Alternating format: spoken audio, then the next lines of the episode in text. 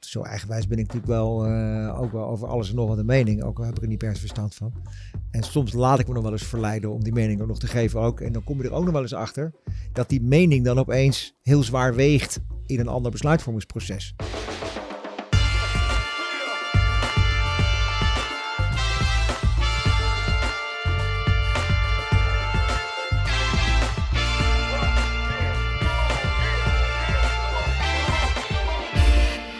Goedemorgen, goedemiddag of goedenavond wanneer u dit ook luistert. En welkom bij de Brief, de podcast over content, marketing en, jawel, media. Vandaag is het 12 augustus, eh, afleveringetje nummer 56. Aan mijn linkerzijde, waarde vriend en collega Matthijs Tielman. Hallo. Hoe is het? Goed. Standaard vraag.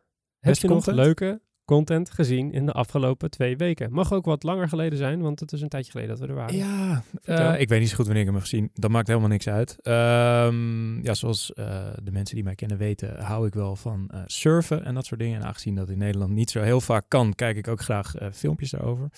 En films. Dus toen zat ik op Netflix, kwam de film Fish People tegen. Fish people. Fish People, Ehm, ja, fantastisch over mensen die in en om de zee wonen, leven, ehm, ja, daar eh, continu mee bezig zijn. Prachtig gefilmd. Super inspirerend om te zien. Ehm, en die bleek gemaakt door Patagonia, het welbekende eh, content marketing Het wel een fenomeen. fanboy te worden nu. eh. Ja, maar dat, ja, alleen ik vind de kleding dus helemaal niks. Althans, niet zo mooi. Maar ja, wat zij doen vind ik wel echt fantastisch. Oké. En dit stond gewoon op Netflix. Ja, hij staat op Netflix. eh, Fish People duurt een uurtje, dus ook niet zo gek lang. Niet, niet een enorme investering van je tijd. En ja, je komt er helemaal ontspannen weer, eh, weer uit. Tof? Ja. Leuk. Was er een van die personen die het meest tot de verbeelding sprak? Ja, er zit een fotograaf in. Ik heb zijn naam even niet eh, paraat. Ehm, die jongen die is fotograaf geworden omdat hij in een mijn werkte, gewond is geraakt, niet meer kon werken. Ehm, heeft een camera gekocht en had het idee van, nou, ik ga de zee in. Eh, ik ga foto's maken van de zee. En eh, like you do. is, ja, dat doen we allemaal wel eens. Hè? Nee, en die maakt echt schitterende foto's. En eh, hij legt ook zijn proces uit dat hij daar soms maanden mee bezig is. Het, s- de getijdenstromen, ehm, de stand van de zon qua reflecties en dat soort dingen. Het is helemaal doordacht en ik wil wel zo'n fotootje hebben voor aan de muur. Tof. We zetten hem in de show notes. Fish People, Yes. Netflix, Patagonia. Helemaal goed. Tegenover ons zit, zoals u van ons gewend bent, de gast. Dit is een, in dit geval een man die al ruim 20 jaar lang leiding geeft in de wondere wereld van de luchtvaart, de vliegtuigen. Eh, dat weet je waar we het over hebben. Dat doet hij de afgelopen zes jaar bij de bekende groene luchtvaartmaatschappij. We hebben het over managing director en chairman van Transavia, Matthijs Temmerink. Ja, hi. Hi, Leuk. hoe is het Matthijs? Ja, goed. Leuk om er te zijn. Ben je, ben je, dit is een beetje een soort van een clichématige vraag, maar ben je er zelf als, op vakantie geweest als managing director van Transavia? Zeker. En dit keer niet met een vliegtuig. Kijk eens. Dus eh, dat was ook weer eens even proberen. Oké, Eh, met de elektrische auto naar Slovenië. kijk eens. En dat is echt een aanrader. Dat is een beetje Oostenrijk, maar dan met het lekkere Italiaanse eten erbij. Ah, oké. Ja. En het was met de elektrische auto geen enkel probleem om zo door heel Europa heen te Hij doet het bijna vanzelf. Hij rekent zijn eigen route uit. En eh, dan hoef je alleen maar een beetje sturen. En eh, af en toe lekker achterin te zitten. En- En hoe reageerde men intern toen je zei, ga niet met vliegtuig, ga met de auto? Het was een wens eigenlijk van, eh, van de familie om weer eens één binnen Europa te blijven. Verwend eh, als we allemaal zijn. En dat ook weer eens gewoon met de auto te doen. Ja, toen heb ik er alleen, dan gaan we ook met onze eigen auto. En die is toevallig elektrisch. Nou ja, dan, dan hoort daar ook af en toe een stopje bij. En dat hebben we, hebben we goed overleefd. Tof. Dus, ja. Heb je dan ook alles zelf gestuurd of heb je ook de autopilot nog wel eens En aangezet? die heb ik niet aangeschaft, dus die zit er niet op. Ah, oké. Zo zuinig ben ik dan ook Heel weer. veilig.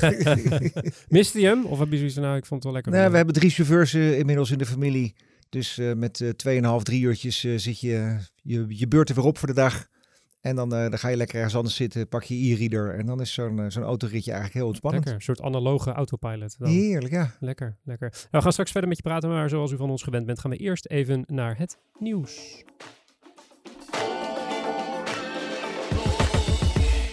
Zoals ik net al zei, het nieuws. Drie nieuwsitems die de mediawereld in zijn of haar van hebben gehouden. En de starten, eh, hoe kan het ook anders? Bij de grote blauwe reus, met een kleine zucht, zei hij in zijn stem. Eh, want wat hebben ze eh, besloten, Facebook? Facebook eh, ehm, die gaat Instagram en WhatsApp branden, of subbranden. Want er komt binnenkort een labeltje bij, want onder Instagram en WhatsApp's branding ga je voortaan from Facebook zien. Waarom? In vredesnaam gaan we het straks over hebben. Want er zijn een aantal, aantal redenen voor. We hebben hier heel erg lang na zitten denken van... waarom zouden ze dit nou in vredesnaam doen? Het is in eerste instantie gelinkt aan een, eigenlijk een technische wijziging die Facebook gaat aanbrengen. Want ze willen de messaging elementen van alle drie die platformen aan elkaar binden. Zodat één communicatienetwerk eigenlijk ten grondslag ligt aan alle drie die sociale netwerken. Um, maar vanuit een branding perspectief, Matthijs, slaat dit natuurlijk helemaal nergens op in principe. Nee, het lag een beetje in parallel. Ik had net een artikel gelezen over hoe belangrijk vertrouwen is voor merken. En dat, dat de mate waarin mensen vertrouwen hebben in merken ook daadwerkelijk terug te zien is in de omzet. Um, ja, en dan, dan is er één ding wat Facebook niet heeft, denk ik, in de publieke opinie. En dat is vertrouwen. En dan ga je dus twee merken die nou ja, minder last hebben gehad van alle schandalen de afgelopen jaren, ga je, uh, ja, ga je jouw sticker opplakken. En dus ja, meetrekken in je, in je uh, ja, wantrouwen wat het publiek heeft. Dus ja. dus ja, het is lastig om redenen te vinden voor, uh, voor deze, deze move. Ja, het heeft ook een beetje iets engs, hè? Ik heb, ik heb een, een, een analyse van onze geliefde professor Galloway van, um, uh, van L2 Inc., die u sowieso allemaal moet, moet volgen, erop nageslagen. En die zei, de enige reden waarom meneer Zuckerberg dit doet, is om straks tijdens een antitrust of een, een break-up zaak in, in de VS kan hij gewoon zeggen, joh, wij kunnen helemaal niet uit elkaar gehaald worden, want wij zitten technisch aan elkaar verbonden. Dus hij zag dit meer als een soort van wapen in de strijd tegen uh, de grote monopoliepolitie. Nou, wat ik interessant vind, omdat over juist de andere reuzen zoals Google uh, en, en, Amazon gezegd wordt dat die juist bewust gaan splitsen. Ja. Uh, omdat dat ook meer waarde zal gaan creëren voor de aandeelhouders doet hij exact het tegenovergestelde. En dat vind ik wel, uh, ja, of het heeft iets met zijn persoonlijkheid te maken. Dat hij denkt van, nou, ik ben toch groter, sterker dan de rest. Of er is gewoon een soort masterplan. Dat hij dus inderdaad denkt dat hij niet ontbonden kan worden. En, ja. ja, ik vind het interessant en ook wel een beetje eng. Ja, ja, het is best wel eng uh, om uh, te weten dat er één man aan het hoofd staat van een communicatieplatform van 2,7 miljard mensen. Dat is eng misschien. 2,7 miljard Dat zijn best mensen. veel mensen. Dat ja. is bizar. Ja, dat zijn best veel mensen.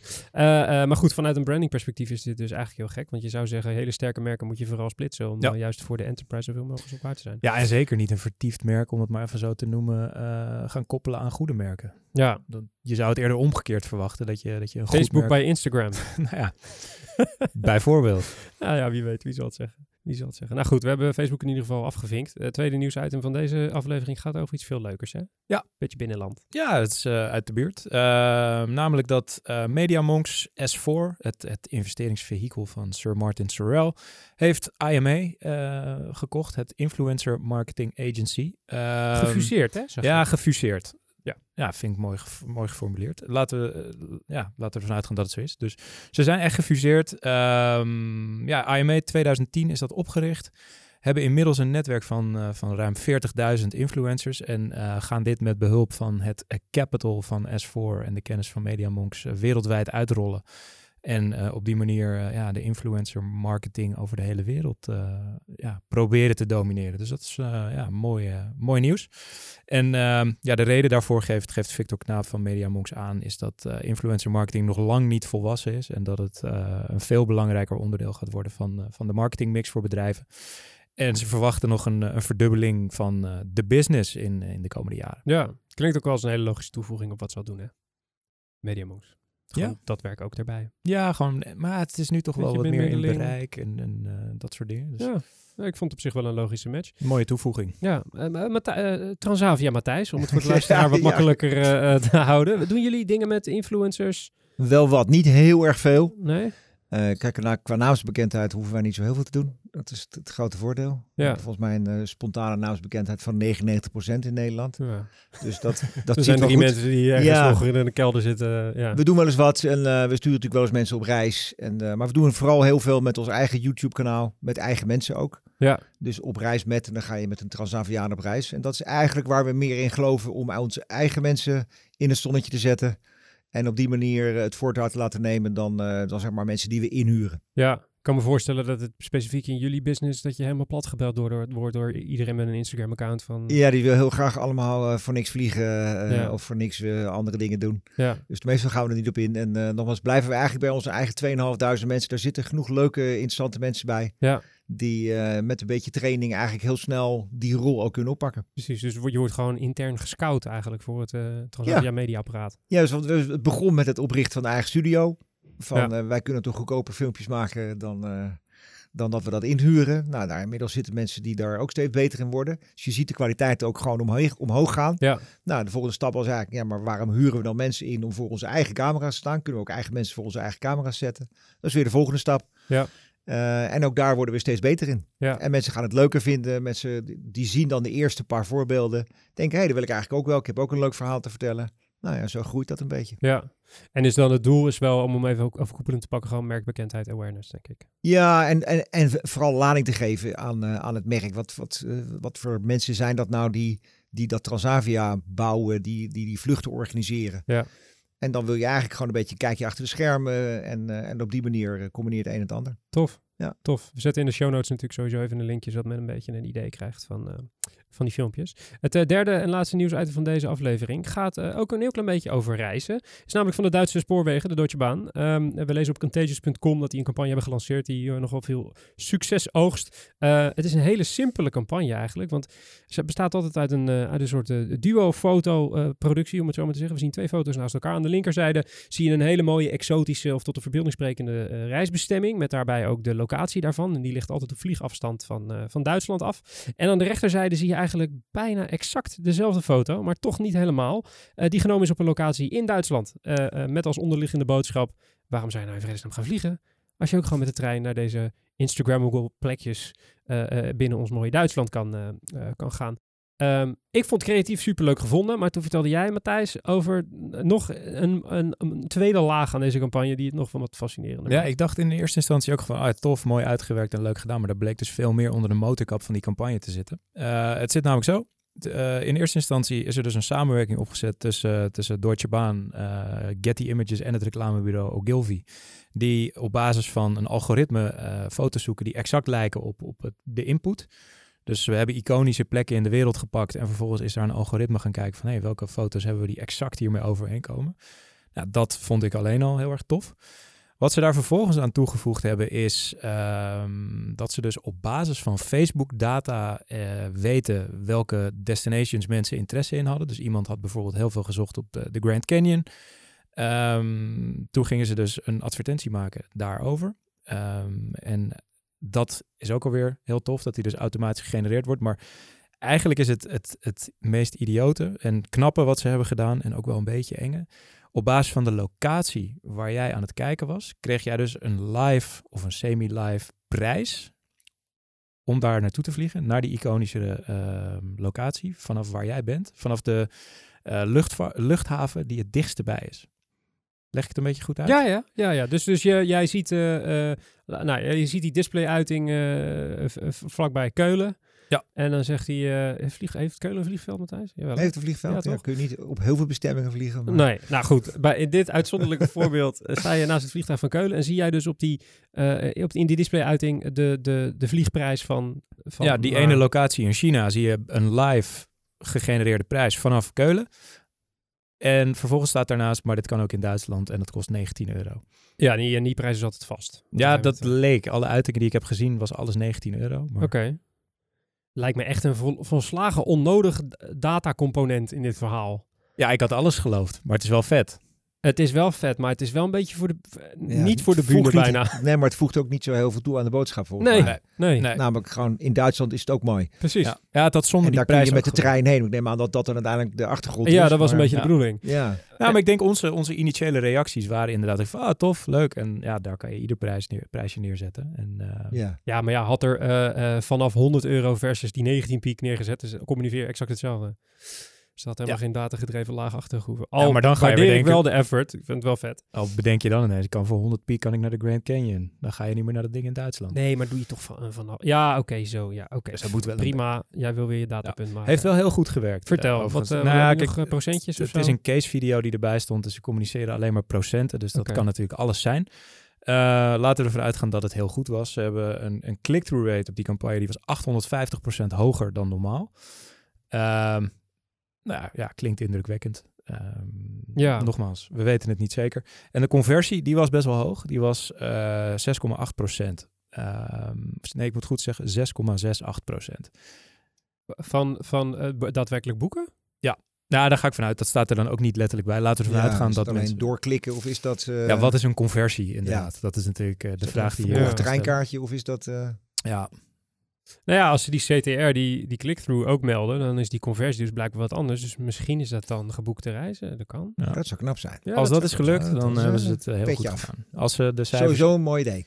Ja, toch? Ja, Ja, toch? dat is ook een mooi idee. Ja. Ja. Ga, is, gaat jouw volgende vakantie met de trein, eh, Matthijs? Of is dat... eh, Dat hebben we ook geprobeerd. Dus in het kader, je moet eh, alles een beetje proberen. En ook de, de eigen concurrentie. eh, dus we hebben en de trein naar Berlijn eh, genomen. Zes uur en een kwartier zonder eten, zonder wifi, zonder oplaadpunten. Nou, die is afgestreept door Ja. de kinderen. die gaat er niet meer in.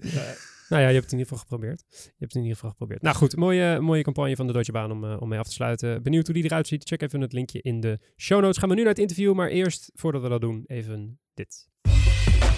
Inmiddels weet je waarschijnlijk wel dat de brief gemaakt wordt door Wayne Parker Kent. Daar werk ik en daar werkt Matthijs. En, en wellicht werk jij binnenkort ook bij ons. Want we zoeken non-stop nieuwe talentvolle mensen die ons komen versterken. Dus ben je een mediastrateeg, accountmanager, redacteur, copywriter, designer, developer, projectmanager, videoproducer. Zoek je een stage, een fulltime job, parttime job, freelance job of heb je gewoon een vet idee? Eh, whatever, dan zijn we wellicht dus op zoek naar jou en zouden we graag een kopje koffie met je drinken. Alle openstaande vacatures vind je op wayneparkerkent.com slash jobs. En wat je ook kan doen is klikken op het linkje in de beschrijving van deze aflevering. In de studio terug met twee Matthijsen. Matthijs Stielman, die kent u. En die andere Matthijs kent u niet. Managing Director bij Transavia en Chairman. Ik was heel erg benieuwd, Matthijs. Hoe stel jij jezelf voor als men vraagt wat je doet? Ja, algemeen directeur is dan toch het makkelijkste Ja, naampje in het Engels. Zou zich dat al snel als CEO vertalen. ja, Eh, maar dat is een eh, wat beschermde titel. Dus eh, vandaar deze wat cryptische omschrijving. ja. Ik kreeg de indruk dat het jou niet zo heel veel... Nee. Nee. Hoe is het bij Transavia? Ja, goed. Ja. Natuurlijk, eh, het is eh hoogtij, hè? zomer. Ja, En eh, wij vliegen nog steeds bijna twee keer zoveel in de zomer als, als in de winter. En nou, dat zie je aan alles terug in het bedrijf. Dus operationeel is, het, is het druk, staat alles strak. En op kantoor is het heerlijk rustig, want dan is het eigenlijk het werk gedaan. Dat begint nu langzaam weer te komen voor de volgende zomer. Dus dat is een heerlijke combinatie. Gaan volle vliegtuigen en toch lekker rustig. precies. Dus iedereen is nu bij jullie ook op vakantie. Dan. Ja, de mensen op kantoor. In de operatie wordt natuurlijk keihard gewerkt. Dat, Ja. dat geeft ook wel eens scheve gezichten. Eh, want nogmaals, daar staat eh, alles strak. En daar eh, zijn de gezichtjes wat afgetrokken. Ja, En er wordt echt heel hard gewerkt. Door, door zowel de vliegende collega's, mensen van onderhoud, mensen van de operationele besturing. Dat, daar, daar kun je alleen maar je petje voor afnemen. ja. Want eh, daar wordt weinig, eh, weinig geslapen en keihard gewerkt. Nee, nee, want het is ook geen moeilijke, of het is ook geen makkelijke eh, sector natuurlijk. Je, je, zit er al heel lang in, hè? Tw- Ja. meer dan twintig jaar. Dus je hebt veel zien veranderen. Ik kan me voorstellen dat het voor een consument een steeds een soort van waziger beeld wordt. Want je komt vaak via een merchant, kom je bij jullie terecht en alles wordt gesorteerd op prijs. En maar als ik nou aan jou vraag, wat is de pitch van Transavia richting je reiziger? Is uiteindelijk het gaat om die beleving aan boord. Het is toch het gevoel van een beetje thuis, een beetje Nederlands, het gezellige, het vriendelijke. Ja, Eh, tegen de achtergrond, het is ook gewoon nog heel strak geregeld. Ja. Maar daar verdien je geen punten mee. Daar maak je eh, het onderscheid niet mee. Het onderscheid zit grappig genoeg. En dat is in de afgelopen, nou, meer dan 50 jaar dat we bestaan, eigenlijk niet veranderd. Zo zijn we ooit opgericht. Het zijn die leuke mensen aan boord. Toen waren het voornamelijk dames. Nu zijn het gelukkig dames en heren. Eh, en, en daar maken we nog steeds verschil. En dat krijgen we ook nog steeds terug. Het is heel grappig. Die verhalen zou je één op één naar 50 jaar terug kunnen vertalen. En dan, dan is er niet heel veel veranderd. Eh, alleen, we zijn met z'n allen veranderd. Maar het gaat nog steeds om die mensen. Ja, en een van de dingen die veranderd is, is dat de, dat de prijs onder druk staat. Hè? Veel budgetmaatschappijen die erbij komen. Is dat, staat dat een beetje, bijt dat dan met die menselijke kant die je net omschrijft? Is Ja, dat- grappig, menselijkheid kost geen geld. Het is heel moeilijk te kopiëren. Het is heel moeilijk te organiseren. Het is heel moeilijk om vast te houden. ja, Maar als je dat eenmaal hebt, eh, dan kost het eigenlijk geen geld. Ja, je moet heel goed met je mensen omgaan. Eh, en dat is denk ik het allerbelangrijkste. En, en ook dat is niet eenvoudig. En natuurlijk wordt er ook bij ons geklaagd over zware roosters, eh, over werkomstandigheden. En dat, dat moet en kan ook nog steeds beter. Maar als je dat eenmaal met elkaar goed, goed hebt afgeregeld, ja, dan, dan kost het eigenlijk niet zo heel veel. Eh, en dat maakt ons ook heel sterk. Dus wij waren eigenlijk een soort van budget airline aanvallen en letteren 50 jaar geleden. ja.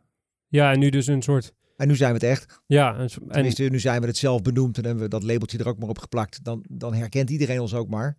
Dat heb je ook echt omarmd, gewoon het, het budgetverhaal. En... Ja, grappig genoeg, toen wij het, eh, het nieuwe merk introduceerden, eh, een jaar of vier geleden, eh, was een van de, de criteria die we stelden, is dat het merk goedkoper moest lijken.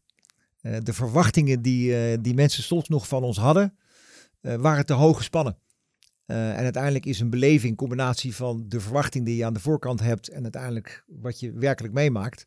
En als je nou die verwachting iets omlaag trimt, dan gaat de beleving omhoog. Zo simpel is het dan ook weer. Ja, lijkt me moeilijk om zo'n verhaal, om, om, om ervoor te zorgen dat dat niet doorslaat op de menselijke zijde, die dat goedkoop is. Snap je wat ik bedoel? Nou ja, die balans vinden is, is, eh, is natuurlijk ongelooflijk moeilijk. Wij hebben als soort van leidmotief, eh, zowel intern als extern, eh, we make low cost feel good.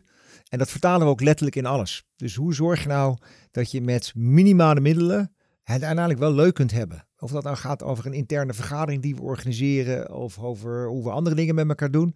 Continu is het dat die balans vinden. Hoe kun je nou met relatief weinig geld het toch gewoon heel leuk hebben samen? Dat zie je natuurlijk op, nou als je je eigen vakantie organiseert, is het vaak op die camping of dat, dat gekke B&B'tje net zo leuk als in een vijfsterrenhotel. Ja, Nou, dat is nou typisch Transavia. ja. Is, is dat ook een keuze die je moet maken in het huidige speelveld? Van of je gaat voor, voor het beste uit het budget halen, of je gaat voor de, de, de Emirates en de, de, dat soort clubs met gouden kranen en douches en, eh, en dat soort dingen? Of Ja, het is een beetje een, een traditionele tweedeling die er gemaakt wordt. Wij geloven daar dus ook niet zo heel erg in. Weet je, wij zoeken het niet per se in eh, de, de dure luxe stoelen, grote schermen, eh, champagne aan boord.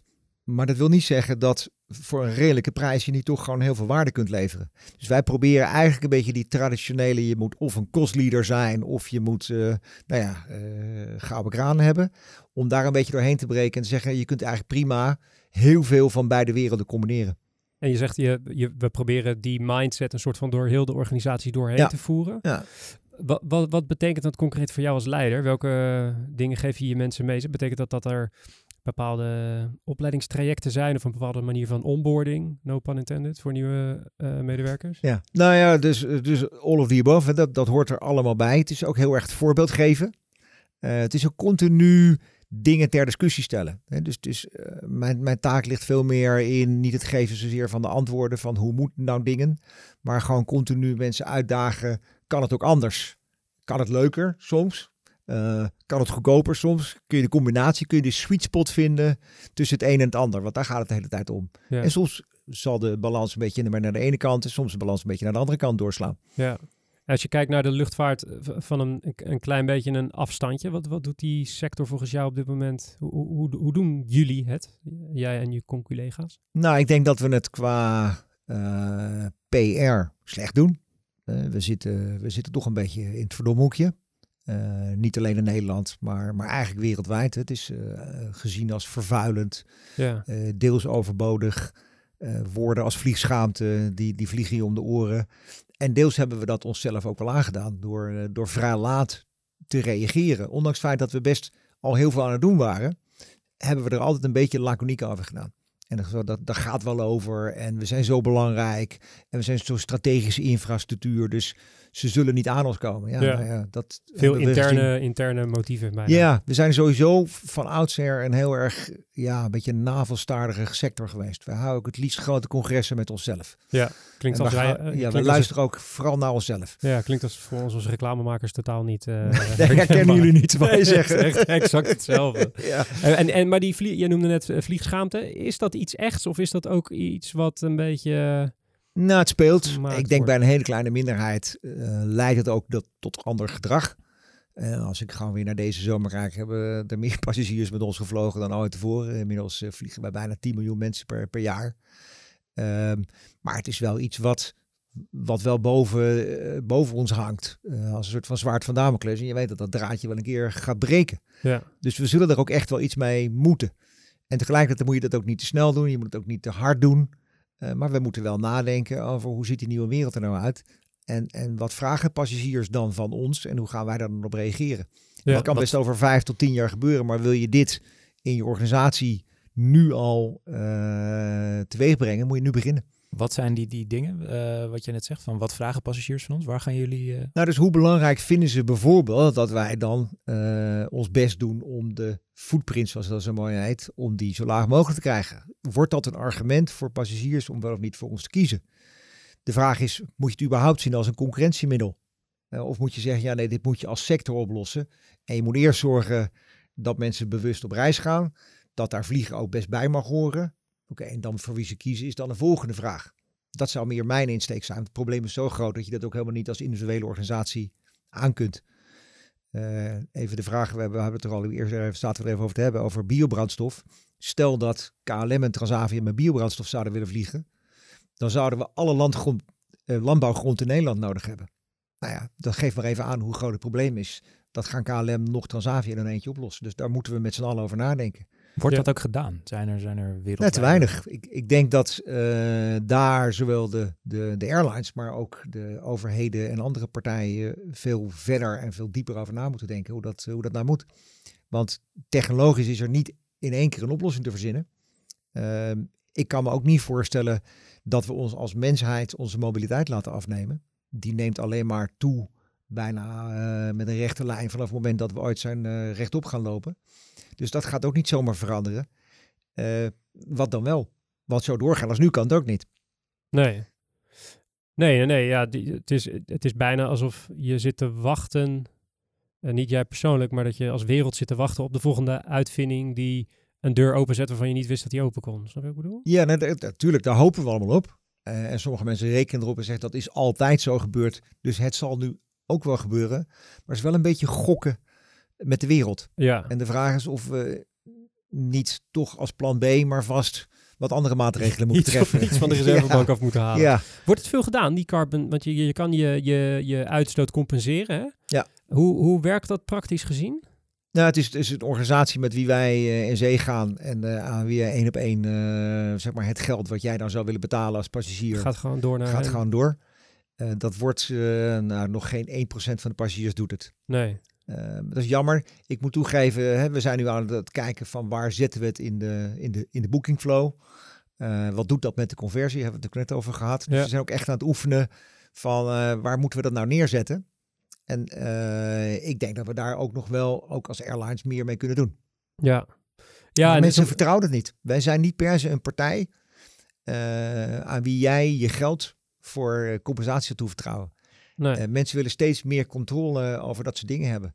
Weet je, net als als je ook niet meer Eneco vertrouwt om eh, bomen te planten. Dan ga je wel gewoon met een lokale zonnepaneelprovider in zee. Want dan weet je tenminste waar je energie vandaan komt. Dat ga je hier ook zien. Is dat je steeds meer zelf wil gaan doen. Om alle footprint die je hebt. En dat gaat niet alleen over vliegen. Dat gaat over rijden. Dat gaat over je huis verwarmen. Weet ik wat, wat je allemaal doet. is dat je dat ook zelf kunt compenseren in je nabijheid. Ja. ja, misschien is dat dan ook wel de sleutel voor de, zeg maar, dat collectieve bewustzijn over wat het allemaal veroorzaakt. Misschien wel de oplossing voor het hele eh, probleem. Misschien is dat ook wel weer een beetje te zonnig. Nee, je zou eigenlijk toe- willen naar een soort van eh, persoonsgebonden CO2-budget. Ja, zoiets ja. Eh, en dan kun je je eigen keuze maken. Zeg, nou, ik ga in een heel groot huis wonen en ik zet alle ramen open in de winter. Maar dan vlieg ik niet en dan eet ik geen vlees en dan rijd ik geen auto. Of je, je maakt andere keuzes, weet je. En dan kun je ook nog met elkaar afspreken dat dat budget elk jaar een beetje minder wordt. ja. Eh, nou ja, het zou natuurlijk heel mooi zijn. Hoe praktisch uitvoerbaar is, dat weet ik nog niet Ik, helemaal. ik, het klinkt nu meer als een aflevering van Black Mirror, maar het is wel, eh, het is wel, een, het is wel een goed idee. Hey, eh, je, je zit er nu vanaf 2000, eh, 2013 op de stoel bij, bij Transavia. Als Ja. je zou ehm, moeten omschrijven hoe de organisatie zich heeft ontwikkeld onder jouw leiding, wat zou die beschrijving dan zijn? Ehm, ik denk dat we vooral geleerd hebben weer te leren. Eh, dus we hebben vooral eh, het, het onderwerp van we doen dingen fout, we maken de hele dag fouten, eh, we doen de hele dag domme dingen. Gewoon weer opengemaakt, dat, dat vegen we niet onder het tapijt. Maar dat bespreken we gewoon met elkaar. Het is ontzettend mooi om te zien. Hè. We, hebben het net over de, het brandstofincident op Schiphol gehad. Operationeel hebben we dat, denk ik, durf ik hier echt wel te zeggen, gewoon heel goed afgehandeld. Maar in de communicatie met passagiers is er toch weer heel veel fout gegaan. Hoe snel die organisatie dan de evaluatie doet en echt heel kritisch naar zichzelf kijkt. En dan vervolgens dat omzet in een aantal lessen en dan dan niet ook ergens in een rapport schrijft, maar ook gewoon meteen implementeert. Dat vind ik echt geweldig. En dat zie je op steeds meer plekken gewoon gebeuren. Doen, fouten maken, evalueren, leren en gaan we doorgaan. En dat, dat vind ik zo gaaf en dat, dat is, toont echt de kracht van deze organisatie aan. En dat heb ik echt wel, nou ja, er deels ingebracht en ook echt wel zien veranderen. Dat is heel mooi. En, en hoe ging dat hiervoor? Was dat, waren mensen bang om hun mening te geven Ja. of bang om de fouten aan te wijzen? Ja, naar beide. Eh, je moet dus ook als leiders in zo'n organisatie een cultuur creëren waarin één, mensen gewoon risico's durven nemen. eh, maar ook durven op te staan als ze zeggen dat ze het er niet mee eens zijn of dat ze fouten gemaakt hebben. En, en dat vraagt wel een heel ander type leiderschap dan wat van oudsher ook in heel veel airlines, wat toch redelijk hiërarchisch aangestuurde bedrijven zijn. Ook deels door het product. Het is een heel erg procedureel, formeel product Ja. met heel veel compliance eromheen. Nou, daar moet, daar moet, je, daar moet je doorheen breken. Hoe ga je daarmee om als, als manager? Want, want fouten maken kan ook betekenen dat het best wel impact heeft op, op eh, geld, waar het in die end eh, op, op neerkomt. Ja. Hoe eh, ja, hou je dat zeg maar controleerbaar? Nou ja, het is continu de afweging maken. Grijp ik in of grijp ik niet in? Maar het is in feite niet anders dan, eh, nou ja, je, je bent eh, jonge ouder van een jong kind. En dat eh, scharrelt een beetje door de kamer. En dat gaat zich een keer stoten.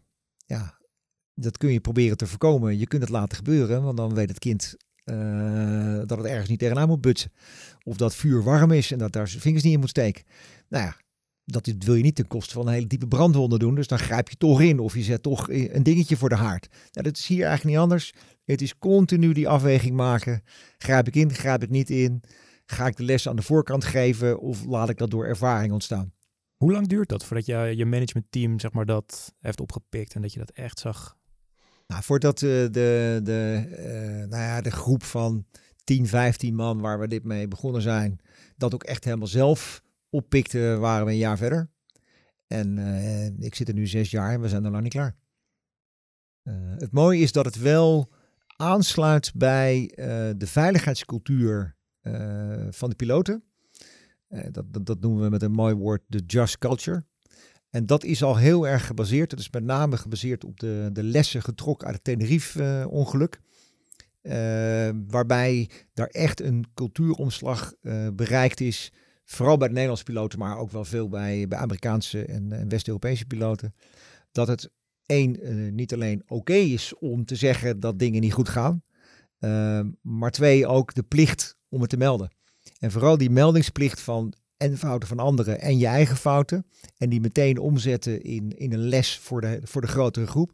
Dat zit daar al heel diep in. En toen we dus ook begonnen op kantoor dit te doen, dat sloot heel mooi op elkaar aan. Dat werd dus ook heel herkenbaar. Ja, want je hebt, je hebt een heel verscheiden eh, eh, personeelsbestand. Hè? De een zit in het vliegtuig, de ander maakt het vliegtuig klaar. De, de, de ander zit bij een receptie, de ander neemt de telefoon op voor klanten die eh, ergens staan te wachten. En je hebt IT'ers in dienst. Weet je, dat gaat van hot naar her. En het, de enige bindmiddel is het groen, om het zo maar te zeggen. Is merk. Ja. Is, er, is er een overkoepelende soort van karaktereigenschap waar je naar zoekt? Ik bedoel, je neemt niet iedereen persoonlijk aan, maar, maar is er een soort van cultuurdingetje wat je zoekt in mensen? Nou, als ik, hem, als ik hem zou kunnen benoemen, dan is het de wil om te leren en je te blijven ontwikkelen. En hebben we dat altijd gedaan? Nee, dus, dus zijn we daar nu veel bewuster mee bezig. En ook eh, naar voren toe aan het ontwikkelen? Natuurlijk. Ehm, maar ik denk dat dat wel een, een, een, een, een dingetje, zoals je het noemt, een waarde is die ons met elkaar bindt. Ja, die flexibiliteit en die wendbaarheid. Ja, en het gewoon durven toegeven van eh I fucked up. Hey, en ehm, we hebben ons huiswerk gedaan, dus we hebben ook wel gelezen dat jij eh, van eh, Transavia de, de beste eh, digitale airline wil maken, maar ook de meest eh, vriendelijke. Ehm, kan je ons meenemen in hoe je dat wil doen? Ja, eh, we hebben, eh, nou, ik een eh, maand of vijf geleden, ik ben slecht in namen, maar volgens mij heet deze meneer Konings van achter is een Belg, eh, onderzoeker, eh, het woord digitaal geleerd. Ja, om weer eens even een eh, nieuw aan de bullshit bingo toe te voegen. Ehm, en eigenlijk zijn claim was dat eh, digitaal, dat wordt een soort van hygienic. Dat moet gewoon goed geregeld zijn. Dan moet het helemaal perfect eh, functioneren en helemaal op elkaar aansluiten. Maar je maakt eigenlijk het verschil toch als airline in de fysieke omgeving. Of dat nou is fysiek in het contact wat je via WhatsApp hebt of via telefoon of aan boord of op de luchthaven. Maar daar maak je nog steeds het verschil. Nou, en eigenlijk hebben we gezegd, die twee willen wij dus ook echt combineren. Dus wij willen menselijk zijn in alles waar we echt contact hebben. Daar willen we meer dan menselijk zijn. En de rest willen we gewoon heel strak regelen, maar zullen wij nooit onderscheidend zijn? Zullen wij nooit beter worden dan, eh, dan andere grote spelers? Daar hebben we ook helemaal de middelen niet voor. Als in de boekingssystemen en, en Nee, dat soort dingen. Weet je, als we daar een zesje, zeventje scoren, is prima. Maar dan aan boord moet het een negen zijn. Eh, en dan is het niet voor de stoel, maar dan is het voor de collega die... En dat, dat vind ik zo mooi als je bij ons aan boord eh, zit en je, je, we zijn even anderhalf uur aan het vliegen. En je kijkt dus zo even door het gangpad. Dan is de kans groot dat je een van onze collega's op zijn of op haar knieën ziet zitten en even echt een gesprek hebben met een passagier. En dat kan gaan over de vakantie die ze nog gaan hebben, al gehad hebben. Maar het kan ook zijn over iets ergs wat er gebeurd is. En dan is het gewoon een stukje meeleven.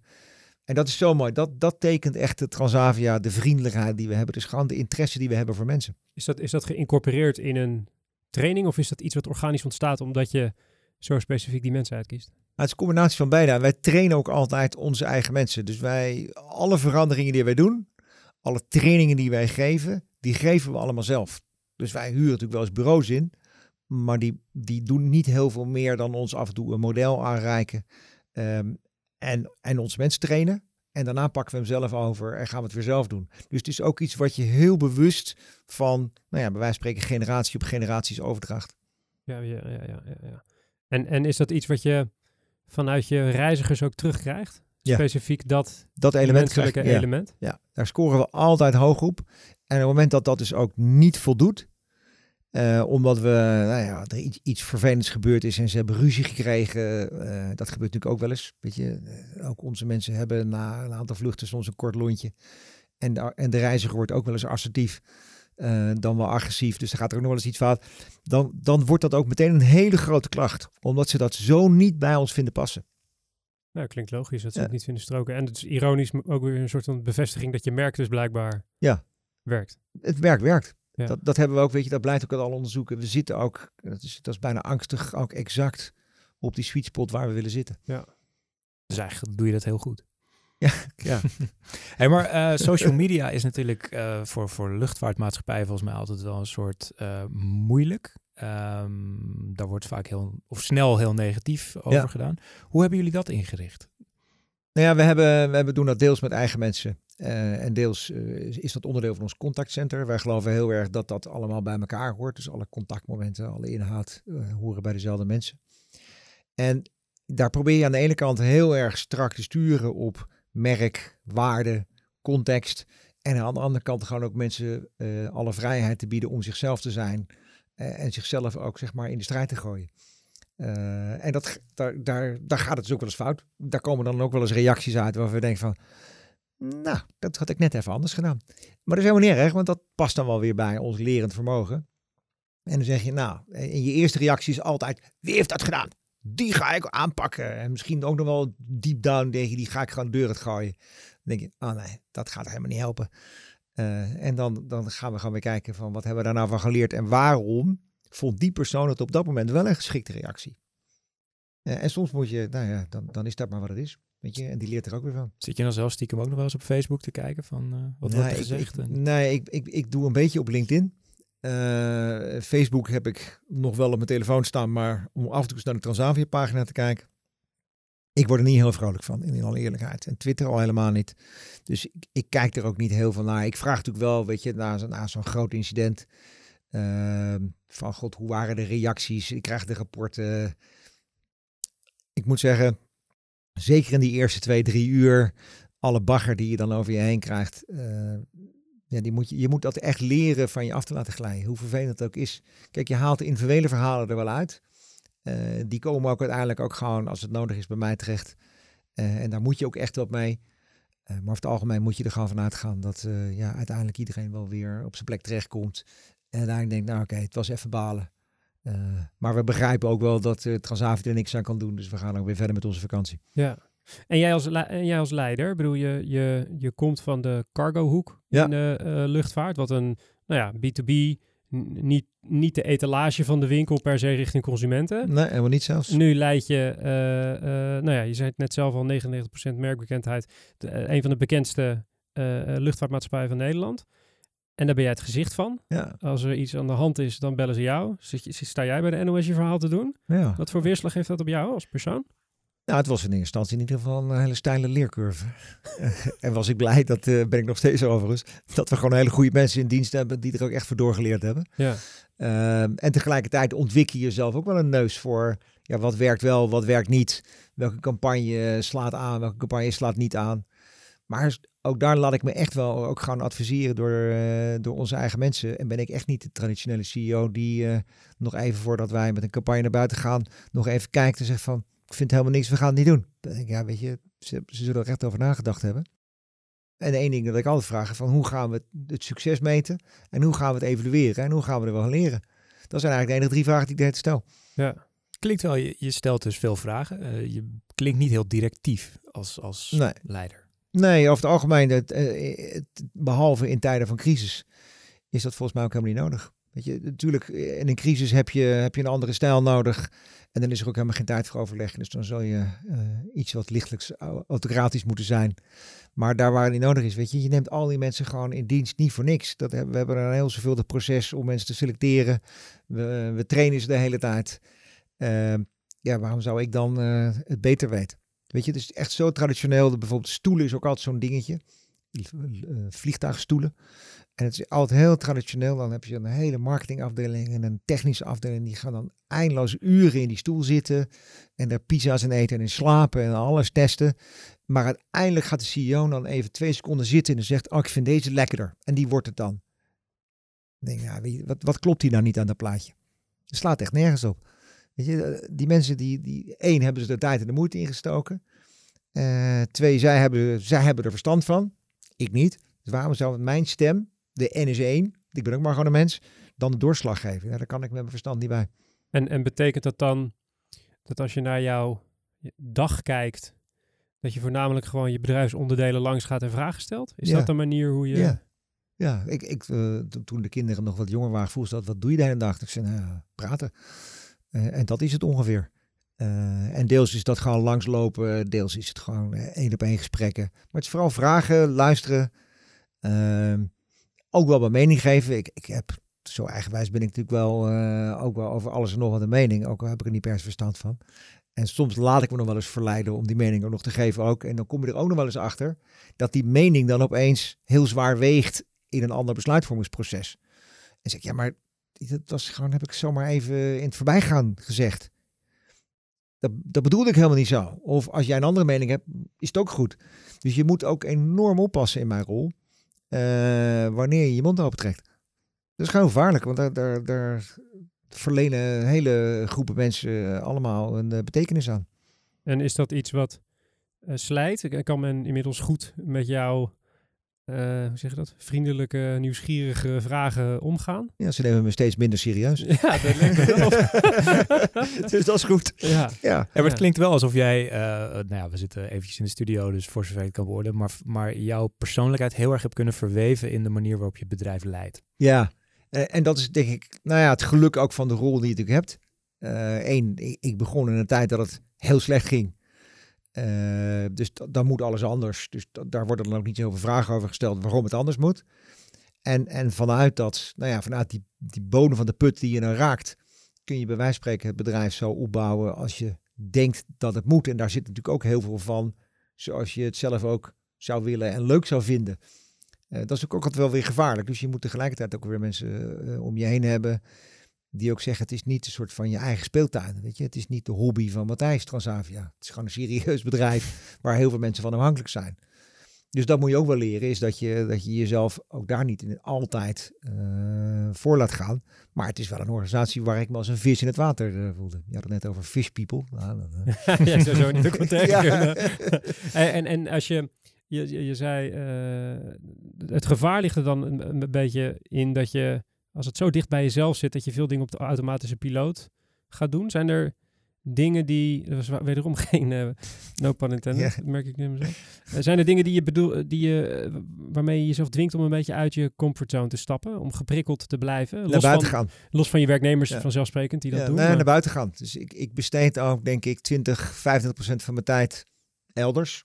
Bij andere organisaties, eh, in andere settings, om gewoon te leren. Gewoon om, om mezelf inderdaad, wat je zegt, te prikkelen, open te stellen voor nieuwe invloeden.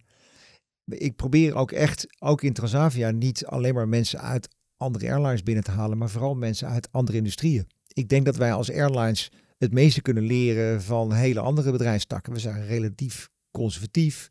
Nogmaals, wat ik uh, hiërarchisch ingesteld. En, en er ligt zo'n wereld aan kennis en, en, en, en innovatie daarbuiten. Ga daar je mensen halen. Nou, en zo, daar ga ik zelf ook kijken. Staat er een, een, een les of een ding wat je gezien hebt bij zo'n andere organisatie hierbij, die je nu naar boven zou halen, kunnen halen?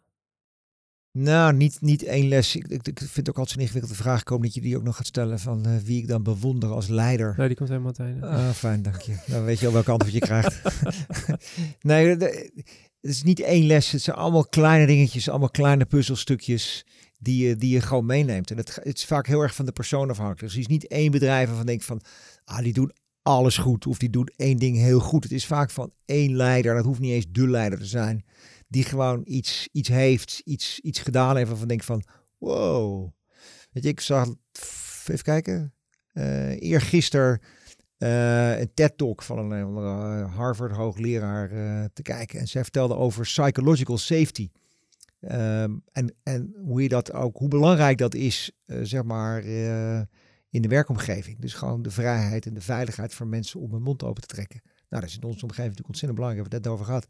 Nou, dan kan ik dan weer zo geïnspireerd raken. En dan laat ze één grafiekje zien. Hoe dat dan praat met ook uh, accountability. Om nog maar weer, ik ben lekker van de bullshit bingo vanavond. Ja, het zit in de show notes. Oké. Okay. en dat, nou, dan kan ik weer helemaal blij zijn. Dus dan ga ik dan ook meteen aan iedereen mailen. Moet een stuk allemaal van mij verplicht naar het YouTube filmpje kijken. Ga ik dat grafiekje zoeken. Of ik dat kan vinden. Als moet ik het zelf maken in PowerPoint. Daar ben ik al te lui voor. Nou, dan heb ik het gevonden. En dan ben ik helemaal blij. Ga ik het iedereen sturen. Uh, nou, en zo laat ik me dan echt wel inspireren. En dat gebeurt me echt wel twee, drie keer per week. Dat ik denk van, wow, gaaf. Die doet echt veel beter. Of die is zoveel slimmer. Ja.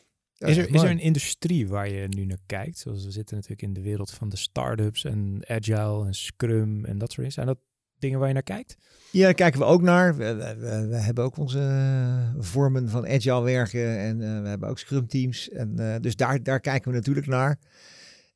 ik geloof wel heel erg ook in de sweet spot van, van zeg maar de start-up mentaliteit en wat wij dan maar even het, het corporate bedrijfsleven noemen. Bij ons heb ik het woord corporate net als manager verboden. We zijn natuurlijk wel en we hebben ook gewoon managers. Misschien ben ik het zelf ook wel. stiekem. Ehm, maar daar, daar, daar, daar zit heel veel in wat je van elkaar kunt leren. En ik vind het ook altijd de mooiste avond, uh, ook klinkt het ontzettend truttig, CEO meet startup. Uh, maar daar kom ik altijd waarschijnlijk geïnspireerder vandaan dan die start-up zelf. Uh, en, en daar komt ook altijd leuk contact uit. Weet je, er komen altijd wel één of twee start-ups waarvan ik denk, oh, daar gaan we gewoon mee kijken, gaan we doen. We hebben net uh, Transavia Ventures opgericht. Dat is een soort van fonds waarmee we gaan investeren. En ja, dat geeft ook zoveel mogelijkheden, zoveel ruimte. En, en daar, dat, dat geeft zoveel nieuwe dynamiek.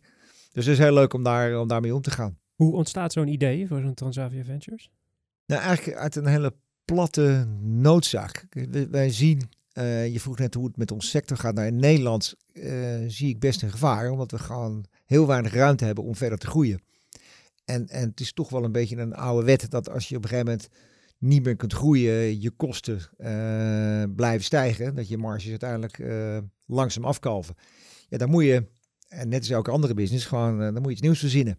Nou, onszelf helemaal opnieuw uitvinden, dat, dat, dat ligt ook niet voor de hand. We hebben ook gewoon een bepaalde strategische rol in, de, in de grotere groep waar we deel van uitmaken. Maar je moet dus nieuwe inkomstenbronnen gaan ontwikkelen. Dat hebben we gezegd, ja, dat kunnen we vanuit Transavia zelf doen. Zijn we daar goed in?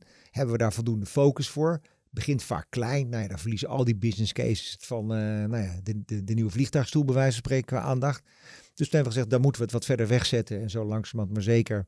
En daar hebben we iemand voor gevonden van buiten. Dat is iemand die zelf twee keer een start-up gehad heeft, succesvol gebouwd en verkocht. Uh, zijn uh, eigen investeringsvehikel had. En, en zei, ik vind dat merk van Transavia zo gaaf. ik wil daar graag met jullie mee aan de slag. Dus in eerste instantie komt hij voor een salaris uh, komt hij, uh, bij ons werken voor de Transavia Ventures. Maar misschien gaat hij er zelf ook wel investeren. En is, is, er een, is er een ontwikkeling waarvan je denkt, dat zal waarschijnlijk het eerste zijn waar we instappen? Je noemt net al die de stoel. Of de... Nou ja, we zijn nu, ik, ik, ik mag nog geen details geven, uh, bezig met een bedrijf wat een hele grappige techniek met vliegtuigen ontworpen heeft. Om ze zeg maar in de windtunnel in ieder geval nou ja, minder weerstand te geven. Daar zijn we naar het kijken. Dat ligt natuurlijk heel erg voor de hand. Bes- Bespaart enorm brandstof. Eh ander waar we mee aan het kijken zijn gaat over eh, gezondheid. Eh, dus hoe kun je mensen tussen zware werkperiodes in beter leren rust te nemen en voor zichzelf te zorgen. Nou, dat is natuurlijk met onze vliegende crews met name en de, de, de zware roos die ze vliegen een ongelooflijk belangrijk onderwerp. Eh, nou, zo zijn we, dat soort dingen zijn we natuurlijk aan het kijken. Virtual reality is er eentje waar we, waar we serieus naar kijken. Waar heel veel toepassingen in onze bedrijfstak zijn.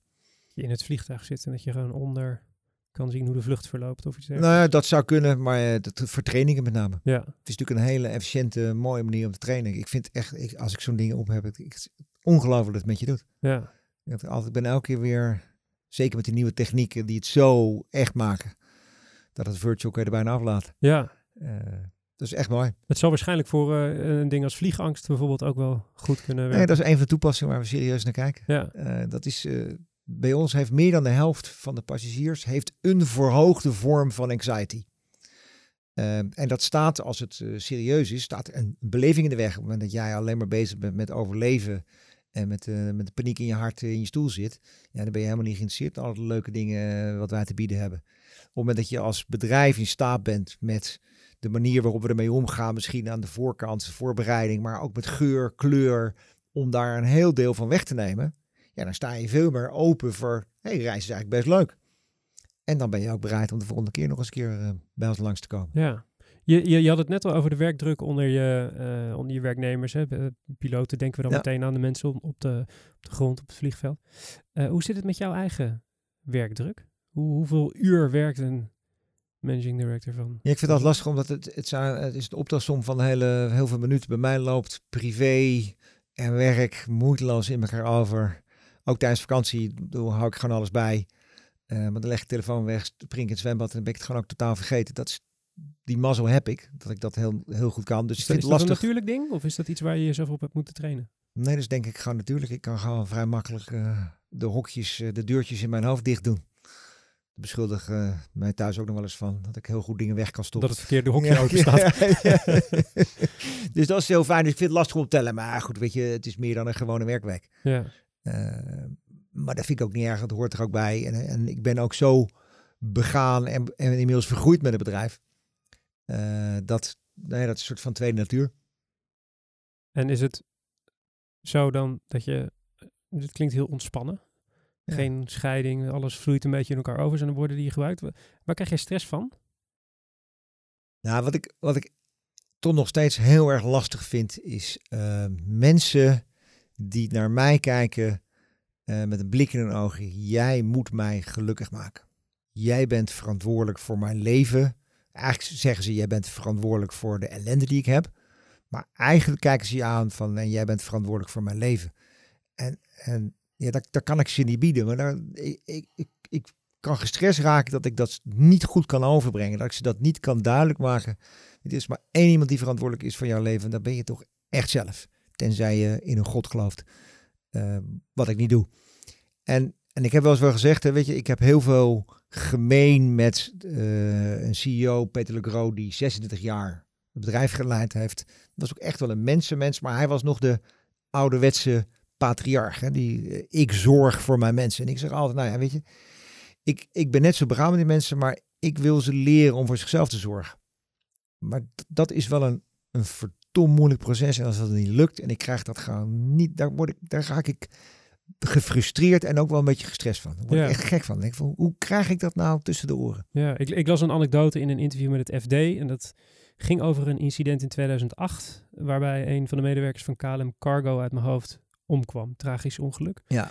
Eh, jij omschrijft hoe jij daar als leidinggevende destijds bij betrokken was. Hè? Je, je kwam bij het gezin thuis en sprak met, ik meen, een, eh, het kindje van diegene die was omge- Ja, ik zat met dat kindje op schoot. omgekomen. En, bij en- mij op schoot te huilen. ja, je, eh, je, je had een quote in dat interview in het FD, wat overigens eh, zo'n acht jaar later pas eh, werd gemaakt. Ehm, daarin zei je, leidinggeven gaat niet alleen over het werk, maar heeft betrekking op het volledige wel en wee van mijn collega's.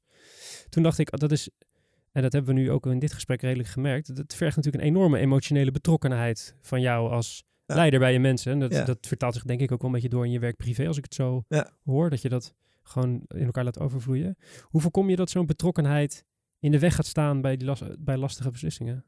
Nou ja, dat is, dat is toch uh, het kwestie van het, het goede deurtje open en het andere deurtje weer dicht.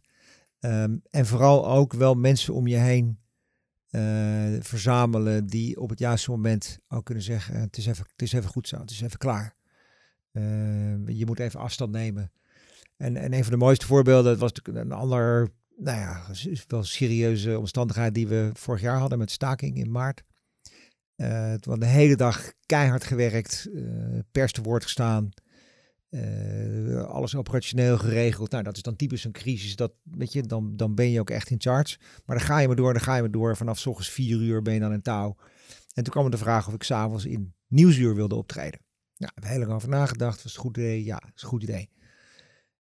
Maar mijn organisatie zat wel te kijken. Nou, maar wacht even, als deze opgefokte stuiterbal uh, nu naar Nieuwsuur gaat, dan gaat helemaal niks worden.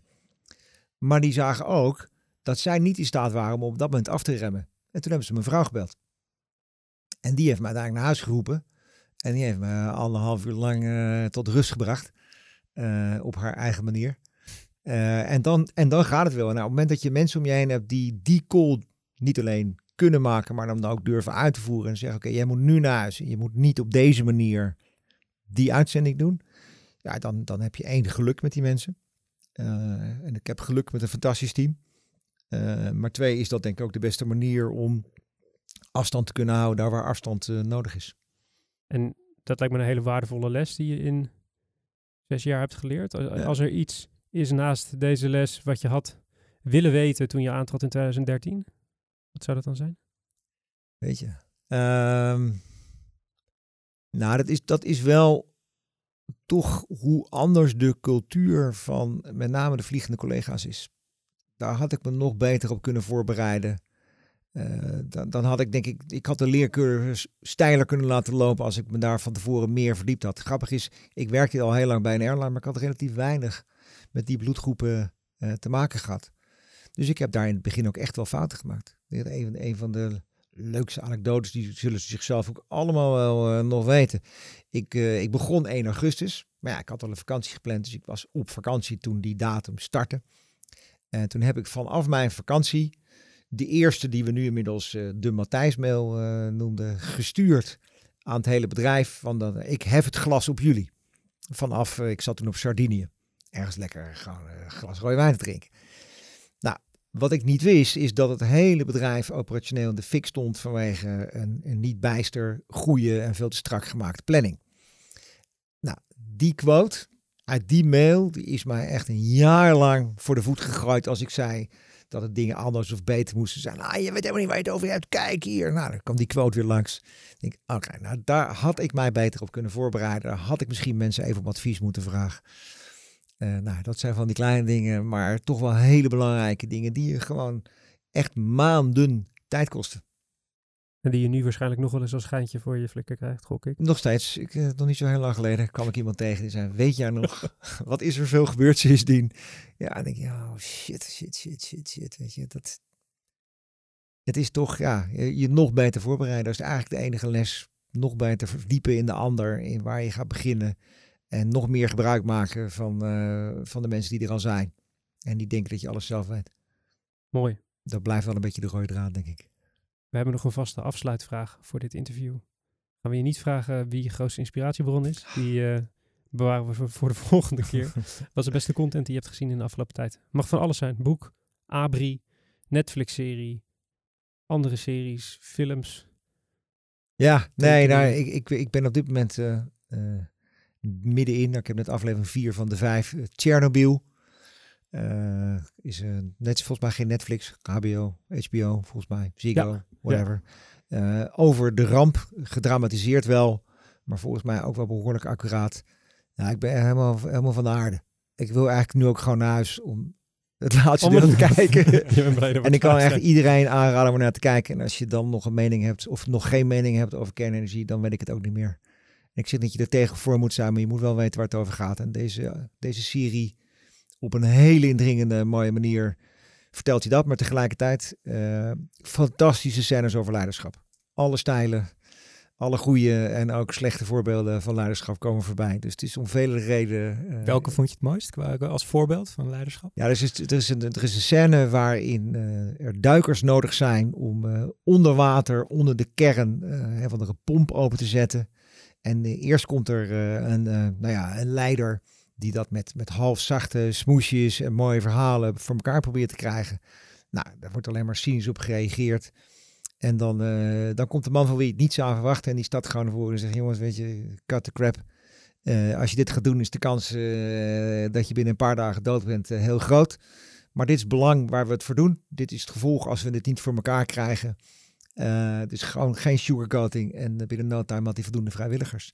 En die twee dingen naast elkaar in één scène, was ook één niet geknipte scène. Ah, daar ben ik helemaal van de, van de leg. Dan denk ik, wow, wat gaaf. Die gaat meteen in een Matthijs Mail intern. Nou, die wordt wel geknipt en, uh, en gebruikt in een van de volgende trainingen. Supergoed. Uh, dank Matthijs de Brink, Managing Director en Chairman van Transavia. Leuk, dank jullie wel. Kom je snel weer? Ik, uh, gezellig hier. Lijkt ons helemaal goed. Ik neem aan dat jij er de volgende keer ook weer bent, uh, Matthijs. Ik ga er vanuit van wel, ja. Helemaal goed. Ja. misschien hebben we wel weer Matthijs in als gast. Laten we het ons als doel stellen. Dan maken we het lekker ingewikkeld voor ja. luisteraar. Dank, ik uh, zie je dan. Mocht je nou iets gehoord hebben in deze aflevering van je denkt, hey, dat vond ik interessant. Ik wil de trailer van Chernobyl zien of ik wil dat ene artikel zien waar de Matthijs of Matthijs of ik zelf naar verwees.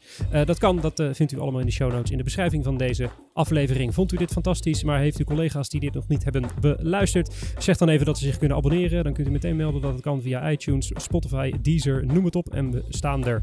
De brief wordt gemaakt zo door Wayne Parker Kent. Onze mediapartners zijn Adformatie en BNR Nieuwsradio. Productie zijn in de handen van Hanneke Stuy, Ma Mout Dekker en Björn Zwageman. Van die drie zit er slechts één in deze studio. Die heeft geen microfoon, maar die gaat wel wat zeggen. Uh, we gaan even op vakantie. In september zijn we weer terug. De gast dan Wendy Pauw van het IAB. Uh, mijn naam is Mark Schoones. Bedankt voor het luisteren en tot de volgende keer.